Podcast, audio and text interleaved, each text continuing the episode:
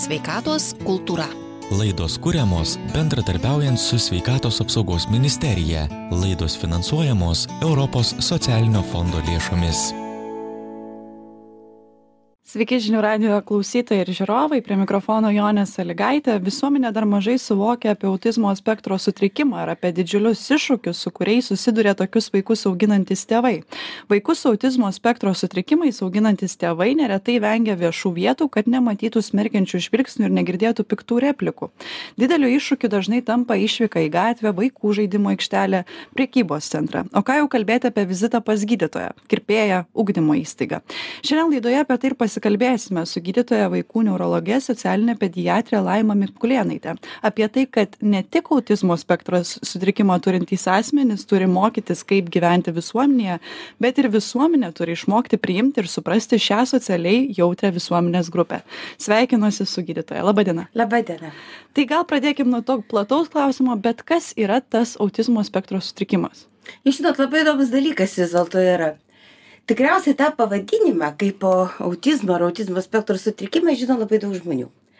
Ir kada aš apie jį pasakau, arba kas nors kur nors išgirsta, ar per televizorių, ar kažkas tai pašneka, žinot, sako, o, ir aš turiu autizmą.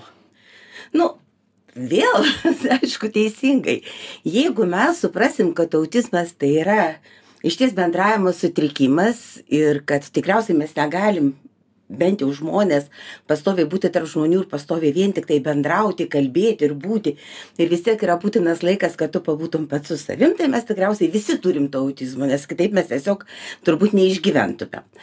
Bet mes kalbam apie autizmą, va turbūt šiandien, apie tą būklę, kurią mes vadinam raidos sutrikimu. Raidos sutrikimas tai yra žmogaus būklė, su kuria jis ateina į gyvenimą ir su kuria jis iš to gyvenimo išeis. Ką tas reiškia? Tas reiškia, kad žmogus to autizmo požymių, va, apie kuriuos mes turbūt net neužilgo kalbėsim, turim ir tie požymiai, aišku, per jo gyvenimą kis bet jie vaidins jam jo gyvenime labai svarbų vaidmenį. Todėl, kad tai paveiks jo požiūrį į gyvenimą, paveiks jo emocijas, paveiks jo prisitaikymą galų gale gyvenime, paveiks aplinkinių žmonės, su kuriais jisai gyvena. Taigi turbūt pirmoji eilė reikia suprasti, kad autizmas tai yra raidos sutrikimas. Tai yra dar vienas turbūt liūdnoji dalis, kada mes kalbam apie raidos sutrikimą, yra tai, kad jis yra negydomas mes tiesiog esantys specialistai kurie yra kartu e, arba tėvai arba ten sakykime dar kažkokie tai žmonės galim padėti vaikui o paskui suaugusiam prisitaikyti ir rasti vietą jos jo gyvenime kad jam būtų gerai gyventi. O jeigu dabar kalbėtumėm konkrečiai kas tas yra autizmas kaip raidos sutrikimas tai turbūt vienas pagrindinis požymis yra kad žmogus kitaip kuria santykį su kitu žmogum tai jeigu taip pasakius tai mes kalbėtumėm kad pagrindinis autizmo požymis tai yra kitoniška sąveika tarp žmonių. Tai yra žmogus kitaip bendrauja kitaip kuria tuos socialinius ryšius kitaip kuria tuos santykius negu kad sakykim dauguma žmonių. Ir turbūt tas kas yra susidūrę su autizmo spektro sutrikimą turinčiais žmonėm tai tikriausiai pasakys kad žmogus autistas tiesa dar reikia vieną momentą man turbūt pasakyt jum Jone, kad e, aš vadinsiu žmogų autistas. Nors mūsų kalbininkai kategoriškai sako, kad taip negalima sakyti, mes turime būtinai sakyti žmogus turintis autizmo spektro sutrikimą. Bet kodėl aš taip sakysiu? Todėl, kad patys žmonės turintys autizmo spektro sutrikimą labai mielai sutinka, kad juos vadintų autistais. Todėl, kad jie mano, kad šitas žodis iš esmės atspindi jų esmę nes autizmas tai yra ne tai ką tu gali turėti ar tu gali neturėti.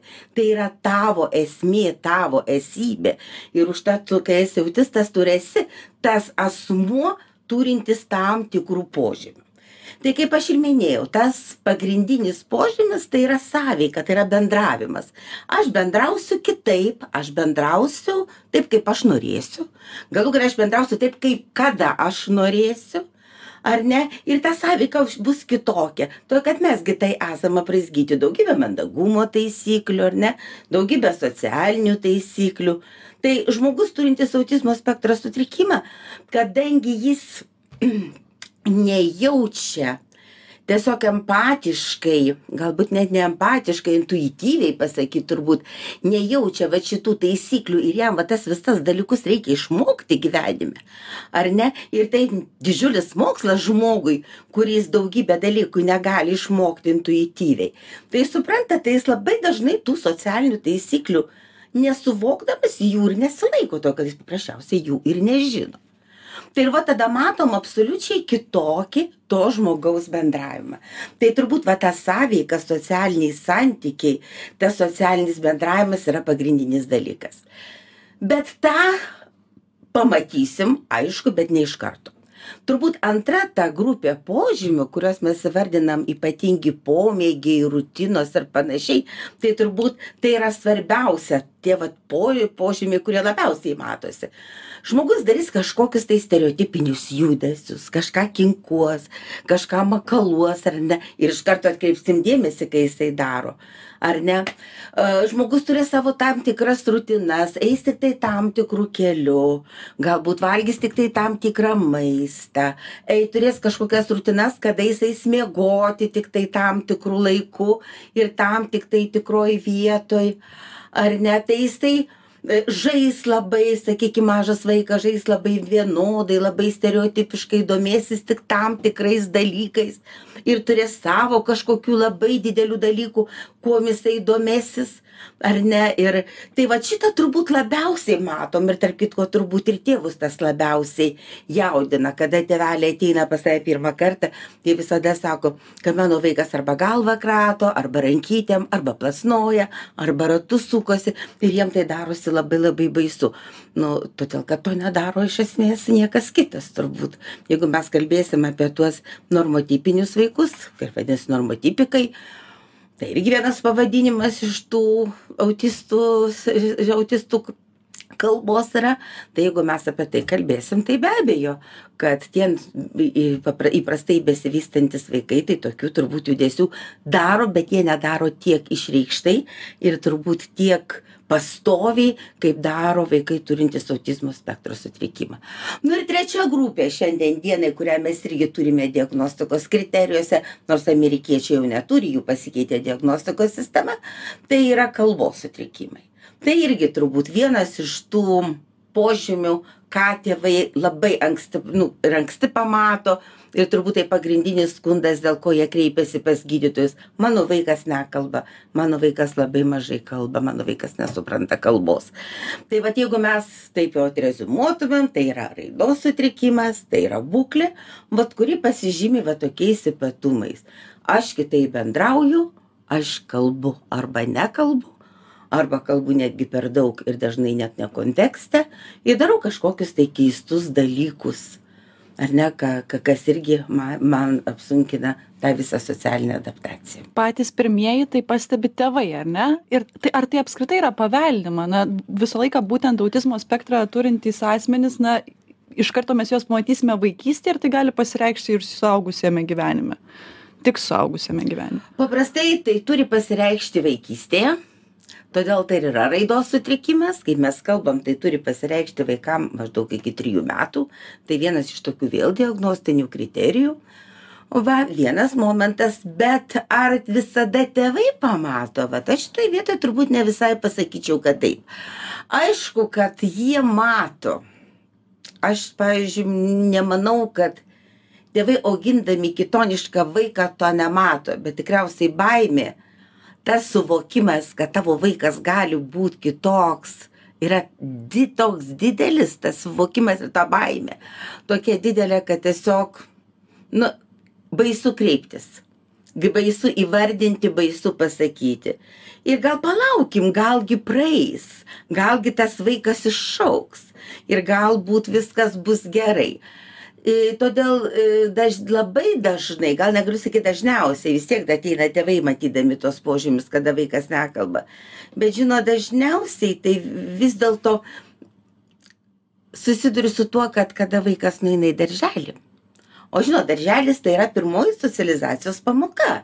Man reikia išmokti būt su kitais vaikais man reikia išmokti dalintis man reikia iškart išmokti kartu žaisti galų gale man reikia išmokt kartu prie stalo atsisėsti. Va tada ir išaiškėja kad šitas vaikas elgiasi kitaip negu daugelis įprastos raidos vaikų tėvai sakote galbūt na bijo pripažinti patys sau. Mes dabar jau matome šiuolaikinius tėvus ypatingai jau jaunus tėvus kuriems pavyzdžiui trisdešim metų veikiausiai internete susiranda informacijos kažkiek daugiau ir žiniasklaidoje yra kalbama būtent apie autizmo spektro sutrikimą. Bet kas buvo prieš tai? Kaip tas mitas susiformavo na kad tai blogai kad tai labai blogai jeigu pavyzdžiui esi autistas? Apskritai ta autizmo kažkokia negatyvi konotacija kaip ji formavosi? Jūs galėtumėt nurodyt kažkokias priežastis ar čia sunku apie tai kalbėt nu žinot aš tai manyčiau kad tai yra toks dalykas kada mes kalbam apie raidos sutrikimų ir kadangi mes kalbam apie būkles ar ne šitoj vietoj ir aišku tie žmonės yra kitoniški ir čia turbūt tas tą visą spektrą raidos sutrikimų mes turėtumėm įdėt ir paralyžiuotus vaikus kaip cerebrinį paralyžių. Čia mes turėtumėm įdėt intelekto sutrikimą turbūt ir čia turėtumėm dėti autizmą ir ten sakykime mokymosi sutrikimus hiperaktyvumo sutrikimą ir panašiai. Tai žinot aišku kad e, turbūt tas kitoniškumas vis dėlto labai krenta į akis matant žmogų. O tam kad visuomenė išmoktų taip lengvai priimt tą kitonišką žmogų jinai turi irgi pereiti per savo vystymosi kažkokius tai etapus ir suvokti kad kiekvienas žmogus yra vertybė. Bet kadangi mes atėjom daugumas dar šiandien mūsų iš tos sistemos kada apskritai žmogus turbūt buvo ne per didžiausia vertybė o o žmogus neatnešantis visuomenei naudos ten darbo ir kažkokių tai dalykų nu jis absoliučiai buvo bevertis. Juk ne veltui visi žmonės su raidos sutrikimais arba psichikos ligoniais jie buvo tėvai buvo skatinami tų vaikų atsisakyti juos buvo jiems juos išvežt išveždavo į tuos psichoneurologinius internatus ir tie internatai buvo kaži kur už mies už miesto kad jo nieks nematytų šitų vaikų ir ir tėvų jau kad kada tėvai atsisakydavo tiksliau privesdavo dažniausiai tėvus prie to atsisakymo ir tėvai atsisakydami vaikus jau nebeturėjo teisės į tą vaiką apskritai į tą vaiko aplankyti. Tai aš manau kad dar daug yra nu tokių mitų kad kadangi žinot juk labiausiai bijai to ko nepažįsti. Sutikit su tuo ar ne? Vat jeigu nepažįsti tai ir bijai. Tai vat kadangi tu apskritai dažniausiai nematai tų žmonių o jeigu ir matai tai vienas kitas ir tu pamatysi atkreipsi dėmesį jį tada kada jisai ten sakykime mm, kažkokioj tai situacijoj kažkaip ne taip pasielgs ne taip padarys. Nu ir automatiškai vau žiūrėkit koks jisai toks jisai koks yra baisus kaip jisai elgiasi ir daros bet mes visi būnam momentais baisūs. Juk vadinkim ir mes pykstam ir ne kiekvienas pyktį sugebam sulaikyti. Ir tas pyktis gali būti m labai stipriai išreikštas. Ir ir yra žmonių kurie ir mušos ir daužos ir netgi sakykime padaro nusikaltimus. Taigi tai ta ta va toks tas toks negatyvus atėjimas yra iš to iš mūsų nepažinimo. Juk mes ir mokomės skirtingose mokyklose. Mes ir darželiuose dažniausiai skirtingai. Ir iš tų darželių jeigu auklėtojai nepatinka vaikas jinai gali laisvu e, žestu pasakyt kad jūs pasiieškokit kito darželio. A jeigu tu nepasiieškosi aš tikrai padarysiu kad tavo vaikui pasidarytų blogai ir tada tu turėsi iš jo išeiti. Tai taigi čia tas visuomenės požiūris aš manau kad užims daug laiko kei keitimo bet bet aš tai tik džiaugiuosi kad vis tiek mes einam į priekį. Ir vat nuo dvidešim ketvirtų metų vis dėlto mūsų valstybė priėmė tokį įsakymą kad visi vaikai turės įstatymą visi vaikai turės eiti į tas pačias mokyklas pradedant darželį ir mokyklos ir jau mokyklos nebeturės tokios teisės vat pasakyti vaikui kad jisai negali eiti į šitą mokyklą suprantat jisai neturės tokios. Jeigu jisai atėjo tas vaikas tu turėsi rasti būdus kaip tam vaikui padėt tai aš manau kad tai yra nuostabus dalykas.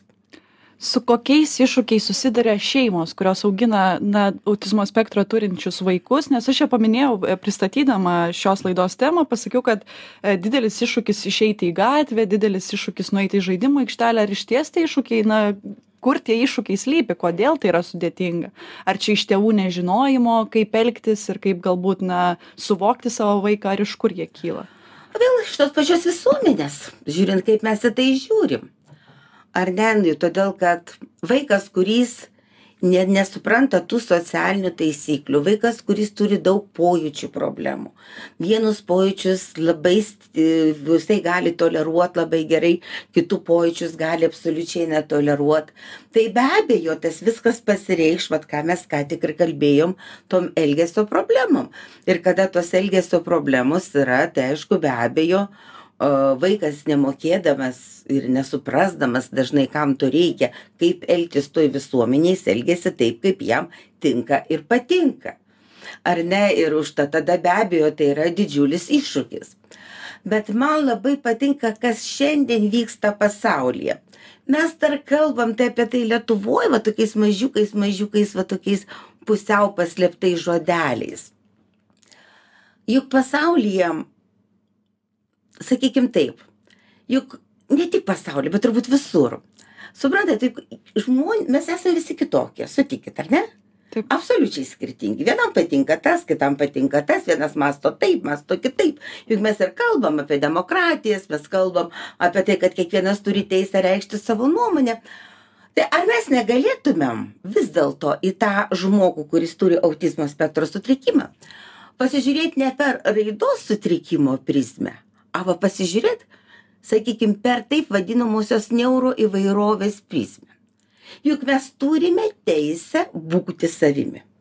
Juk mes norim galų gale turėti tą teisę būti savimi, o ne būti tais laiviniais kareivėliais, kuriems kažkas nurodys, ką, kada ir kur daryti.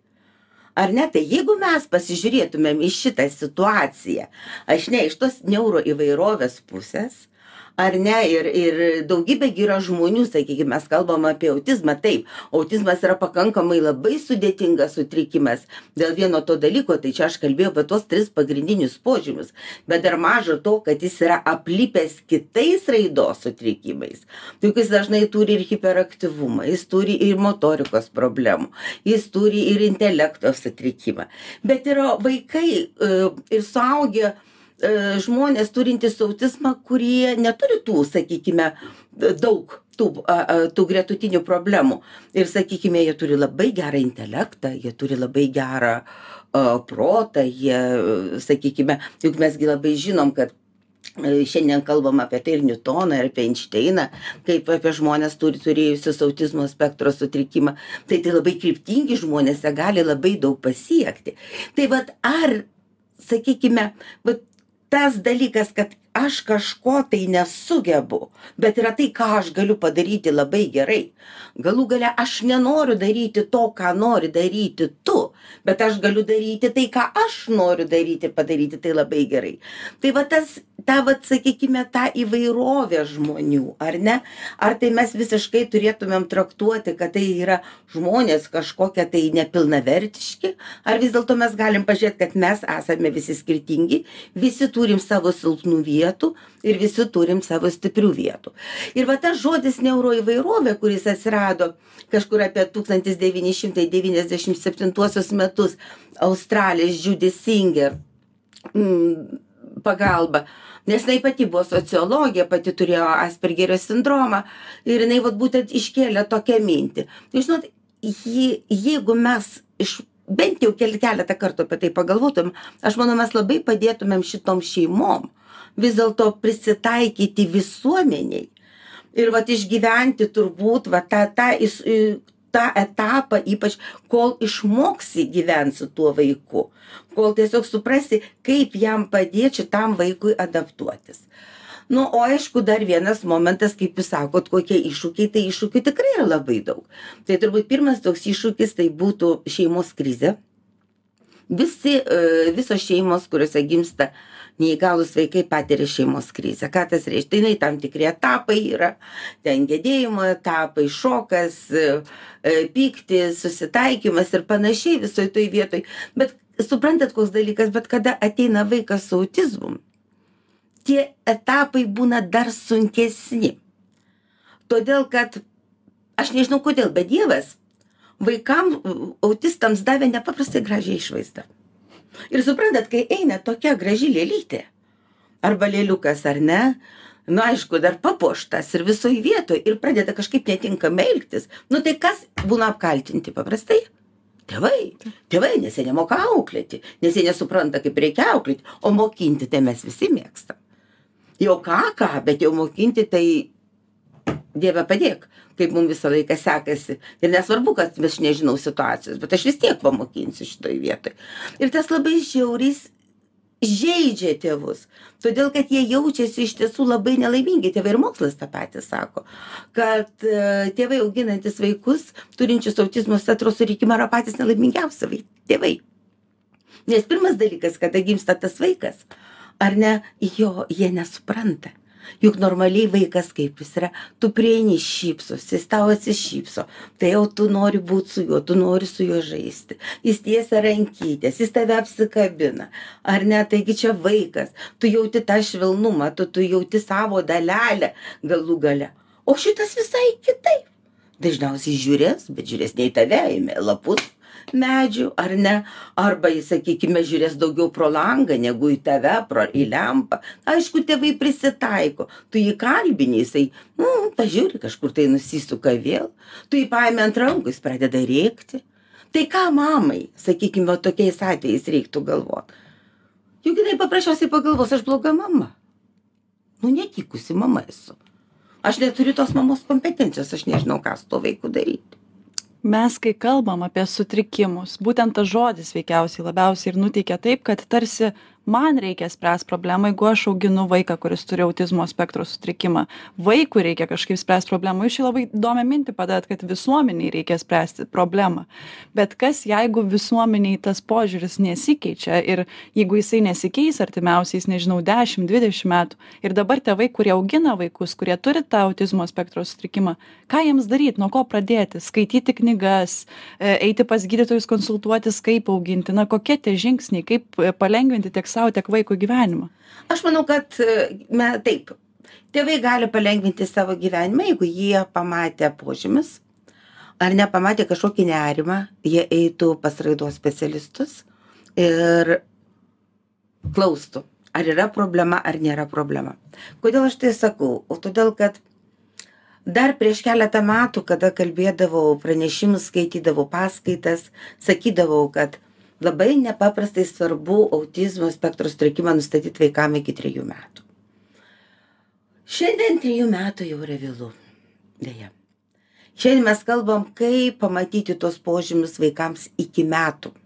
Nes jeigu mes pradėsim taikyti terapijas, o iš tiesų mes šiandien turim veiklių terapijų, arba tiesiog galbūt šiek tiek kitaip elgtis su tuo vaiku, šitaip kitaip bendrauti, tai mes tikrai galim padaryti labai daug ir netgi iki tiek, kad vaikas gali neturėti, augant, tu, o, nu, gal kažkokiu ypatumų turės, bet tie požymiai, apie kuriuos vat, mes kalbėjom, jie nebus jam kaip sutrikimo požymiai, bet tai gali būti jo tam tikri ypatumai, kuriuos jisai pats per gyvenimą gali išmokti apeiti. Tai, tai yra vienas dalykas. Tėvai patys, aišku, sakykime, vaikam, tai vat, mes turime tam tikras tarnybas, tas pačias ankstyvosios rehabilitacijos tarnybas, kurios yra beveik kiekvienam rajone, yra raidos centrai, didelį raidos klinika Kaune, vaiko raidos centras Vilniuje yra, sakykime, kurie yra universitetiniai centrai, kurie tikrai sakykime, turi daug patirties darbui su šitais vaikais. Bet lygiai taip pat mes kalbam apie visuomenę ir va tas vat įstatymas kad bus negalima išmesti vaiko tai bus tas mažas žingsniukas į priekį. Aš manau kad jeigu mes kalbam apie pagalbą vat visos tos visuomenės e, sakykime maštabais tais vat visuomenės kai kaip visuomenė galėtų prisidėti aš manau kad visi vaikai privalo eiti į tuos pačius darželius ir kada jie nuo mažens bus šiek tiek su kitonišku vaiku kada jie matys kad vat kokie mes visi įvairūs ir kokie mes visi nevienodi. Ir bus vienas toks o kitas toks trečias toks o ketvirtas dar kitoks. Ar ne? Va tada mes ir išmoksime matyti kitoniškus žmones vat šiandien jūs ėjot į darbą joje. Kiek jūs matėte neįgalių žmonių? Nemačiau. Apie ką mes kalbam apie ką mes kalbam. Mes jų nematom. Tai va tas matymas, supratimas, kad yra kitokie ir tas buvimas kartu leis atsikratyti tos baimės ir pamatyti, kad vaikas, ar jisai vaikas su autizmu, ar jis vaikas su cerebriniu paralyžiu, ar jisai galų galę su intelekto sutrikimu, tai yra pirmoji eiliai vaikas. Taip, su intelekto sutrikimu galbūt nemokės matematikos. O vaikas su autizmu galbūt tikrai ne visada pajus, kaip reikia pasielgti vienoje ar kitoje situacijoje. Vaikas su cerebriniu paralyžiu galbūt negalės vaikščioti. Bet jie lygiai taip pat gali kalbėti, jie gali protauti, jie gali žaisti, jie gali pareikšti savo nuomonę, kuri irgi bus labai įdomi, todėl kad tai bus žmogaus nuomonė. Ir va tai būtų tas pradinis žingsnis, kuris leistų mums visiems kartu sugyventi ir džiaugtis tą visą neuroįvairovę. Vaikų neuroįvairovė darželiuose ir mokyklose bet žinot kaip sakoma kad na vaikai kartais būna tie kurie pasižymi ir labai tokiais sunkiais ir stipriomis patyčiomis pamato kitokį vaiką ir staiga na pradeda tikrai labai negražiai kalbėti tas vaikas pradeda būti engiamas ir čia turbūt reikėtų gal kažkiek kalbėt apie tai kaip tų tėvų vaikams kurie neturi kažkokio sutrikimo kaip juos reikėtų paruošti. Reikėtų kažkaip tėvams tiems kalbėti su savo vaikais kad bus ta įvairovė pavyzdžiui darželyje arba mokykloje. Ar visgi na patys vaikai yra pajėgūs to išmokti kai jie pamatys kad yra daugiau kitokių žmonių aplink? Taip. Aišku kad labai vaikai daug ką kartoja tą ką kalba tėvai tai mes gi visą tai žinom kas yra įdėta ką tėvai pasako tas yra dažnai pasakoma atgal Bet žinot, aš dar vieną momentą pasakysiu. Žinot, turbūt yra toks dalykas. Tai liečia ir tėvus, turbūt, ta tų vaikų, va, kitoniškų vaikų, negaliu sakyti kitoniškų, bet tiesiog kitaip besivystančių vaikų. Ar nesuprantat, kada tavo vaikas yra kitaip besivystantis, jis pats iš principo yra šiek tiek kitoniškas. Ir žinot, kada kas nors pasako, kad jis yra kitoniškas, o tada labai labai skauda, ne? Bet kai mus visokiais pavadinimais pavadinė yra per gyvenimą, jūsų nėra pavadinimų. Yra, žinoma. Aš vokiniuotė, ten dar kažkokia tai. Bet ką, tai faktas yra nu aš nuo vaikystės nešioju akinius ką aš galiu padaryt. Taip aš esu akiniuotis. Kaip tu nori sakyk kad tai yra.